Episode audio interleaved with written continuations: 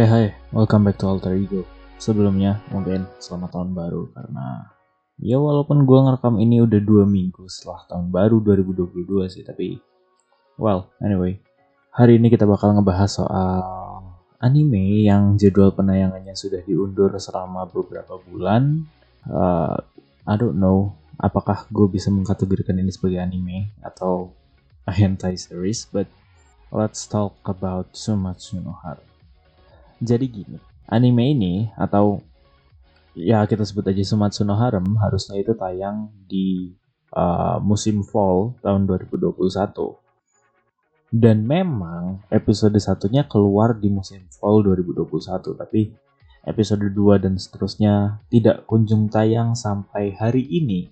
Well, tepatnya beberapa menit yang lalu, gue nonton Sumatsu no Harem episode 2. Nah, gini ya, dari awal uh, anime ini itu ada di list fall 2021, gue udah curiga sebenarnya ini anime yang ada di batas abu-abu antara anime uh, reguler atau bisa kita sebut ecchi yang menampilkan banyak fan service dan segala macamnya dan anime hentai yang uh, ya straight porn gitu Contoh gampangnya mungkin kita bisa ngambil dari DxD High School karena gue juga penikmat uh, DxD High School ya dari season 1 sampai season 3 karena season 4-nya ampas. Jadi uh, well balik lagi sorry di DxD High School kita tahu uh, it's not a porn it's a story with you know banyak sekali fan service dan adegan yang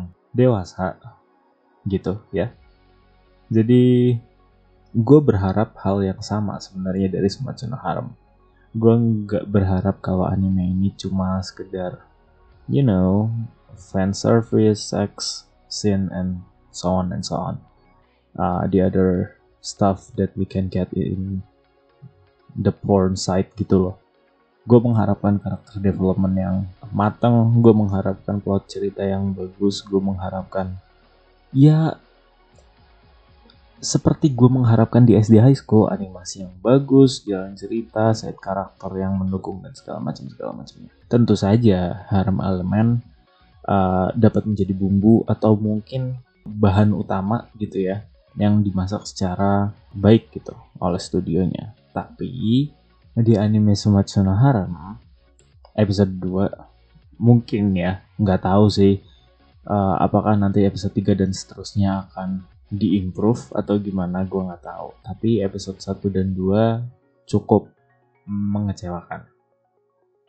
Sekali lagi gue bandingin sama DSD High School ya. Di DSD High School kita itu langsung dapat jatuh cinta dengan karakter Issei. Ataupun Rias ataupun Akeno dan segala macamnya. Di Shimachu no Harem kekuatan karakternya itu nggak sekuat di SD High School. Atau bisa gue bilang karakternya sifatnya dan uh, just the character itself it's not it's not that good.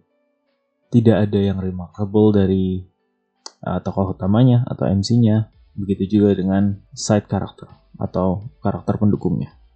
Nama karakter uh, Reito sih bahkan gue juga hampir lupa nama karakter utamanya. Reito adalah karakter yang cocok untuk dimasukkan ke dalam anime bergenre isekai atau fantasy atau you know some kind of superhero genre. Tapi untuk anime harem gue akan jauh lebih jatuh cinta dengan karakter seperti Issei ataupun uh, who's the one that character in Rosario Vampire? Ya pokoknya karakter-karakter yang tidak naif gitu loh. Bukan berarti sifatnya Reito itu jelek. Enggak. In real life mungkin sifat kayak gitu emang sifat yang seharusnya diterapkan atau seharusnya dipunyai semua orang. Tapi in an ecchi slash hentai anime sifat protagonis seperti itu justru akan bikin plot ceritanya dragging atau ya yang bikin susah berkembang dari plot cerita anime hentai atau ecchi kan itu kan sebenarnya kalau main karakternya stuck dan menolak untuk you know melakukan hal yang seharusnya dilakukan laki-laki jika punya 100 ribu orang wanita. Well, it will sounds weird and I don't know how to say this, but ya itu yang yang emang normalnya dilakukan laki-laki gitu. Enggak sih, nggak normal ya, gue doang kali. Well, tapi untuk cerita Sumatsu no Harem, gue kira karakter kayak Issei ataupun uh, the main protagonist in Rosario, Rosario Vampire akan jauh lebih bagus daripada si Reiko Reiko ini. Reito sorry, Reito. Padahal sebenarnya kalau kita ngebaca sinopsisnya dari Sumatsu no Harem, ini cukup ngebangun premis yang bagus Jadi, the main killer virus atau MK virus adalah penyakit mematikan yang telah memusnahkan 99,9% populasi pria di dunia. Mizuhara Reito telah tidur kriogenik selama lima tahun terakhir, meninggalkan Tachibana Erisa, gadis impiannya. Ketika Reito terbangun dari deep freeze atau uh, sleep cold, dia muncul ke dunia baru yang gila akan seks, di mana dia sendiri adalah sumber daya paling berharga di planet ini. Reito dan empat orang pria lainnya diberikan kehidupan yang mewah dan satu misi sederhana, mengisi kembali dunia dengan menghamili sebanyak mungkin wanita. Namun yang diinginkan Reto hanyalah menemukan Erisa yang hilang gak tahu ke mana tiga tahun lalu. Apakah Reto dapat menahan godaan dan menemukan cinta sejatinya?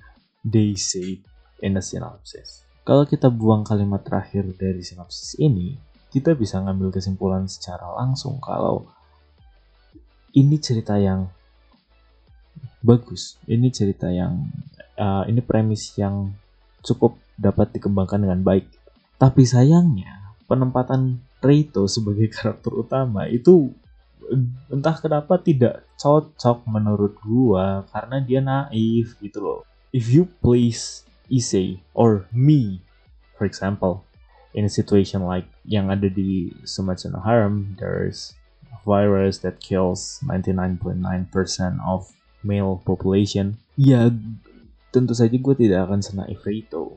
Yes, mungkin uh, fokus dari jur fokus dari anime ini akan ada di journey-nya Reito menemukan si Erisa. Tapi kalau kita disuguhkan kenaifannya Reito di setiap episode, itu bakal boring banget gak sih? Serius dah, itu itu tidak akan membuat cerita ini menjadi cerita yang bagus. Malah justru gue lebih setuju kalau si ini kan Reito laki-laki yang bangun kedua ya, dua dari lima. The first man atau si rambut kuning yang gue lupa namanya, itu malah gue lebih suka sifatnya dia untuk jadi karakter utama deh. Karakter protagonis ketimbang Reito. I don't know. It's an anime, there's no actor in it. Jadi terserah autornya mau nulis kayak gimana juga tentang cerita ini, tapi sangat disayangkan aja sih kalau karakter utamanya punya sifat yang terlalu naif kayak gitu. Dan sepertinya nggak cuma gue yang berpendapat demikian karena dari My Animalist skornya itu eh, dari dua episode yang udah tayang ya skor totalnya adalah 6,56 bahkan nggak nyampe 7 well of course just because juga skornya 6 tapi that's a different story. I don't know why just because it's super underrated but back to Sumatsu no Harem. Anime ini juga digarap oleh studio Gokumi di mana studio ini sebenarnya udah pernah garap anime dengan beberapa judul anime gitu ya dengan fokus utama ke karakter ceweknya seperti Yuki Yuna dan A Channel. Dua series ini atau dua judul ini juga dapat beberapa judul lainnya atau franchise dan it's very successful. Tapi untuk Sumatsu no Haram, I don't know why. Ya, begitulah. I have no complaints for the animation ya karena standar anime-anime zaman sekarang lah. It's not as good as Attack on Titan, it's not as good as Jujutsu Kaisen, Demon Slayer, and so on and so on. Karena memang tidak diperlukan animasi yang sebagus itu untuk menceritakan a slice of life slash romance slash edgy slash hentai. It's not tidak dibutuhkan budget sebesar itu untuk menganimasikan cerita ini, tapi come on, please dong. If you don't kalau nggak punya animasi yang bagus ya jangan kecewakan kami dengan ceritanya atau dengan karakternya bahkan. Uh, satu lagi sebelum gue tutup podcast ini sebenarnya. In episode 2 atau di dalam episode 2 ada masalah yang sangat besar kalau ini adalah anime ecchi atau hentai. Sensornya parah. You know, gue ngerti gitu loh. Kalau tidak semua kalangan akan menerima anime ini dengan baik-baik saja. Tapi kalau kita berkaca dari beberapa anime ecchi yang sudah tayang di masa lalu seperti High School of the Dead misal atau DSD High School atau Rosario Vampire, oh, Rosario Vampire is not that bad sih. Ya beberapa judul anime ecchi lainnya termasuk Musuh Gakuan HXH yang menurut gue lebih porno dari DSD High School. It's not necessary sensor semua badan dari karakter dengan apa namanya item-item gitu loh. Nggak gitu cara menyensornya. You can use the cahaya dewa atau kabut-kabutan atau just make it uncensored please. Because the XD high school showing the nipple of the character and that is tolerable even for me when I was I don't know 15 14 when I watched that show it's not tentu saja gue tidak merekomendasikan hal yang sama untuk ditonton anak 15 dan 14 tahun sekarang. Tapi please dong pensensoran itu nggak begitu. De ada cara lain yang lebih elegan untuk mensensor adegan-adegan yang memang dinilai tidak pantas. I think that's all uh, omelan gue tentang Sumatsu no Harem di pagi ini. So, thank you for listening and I'll see you guys on the next episode of Alter Ego. Bye bye.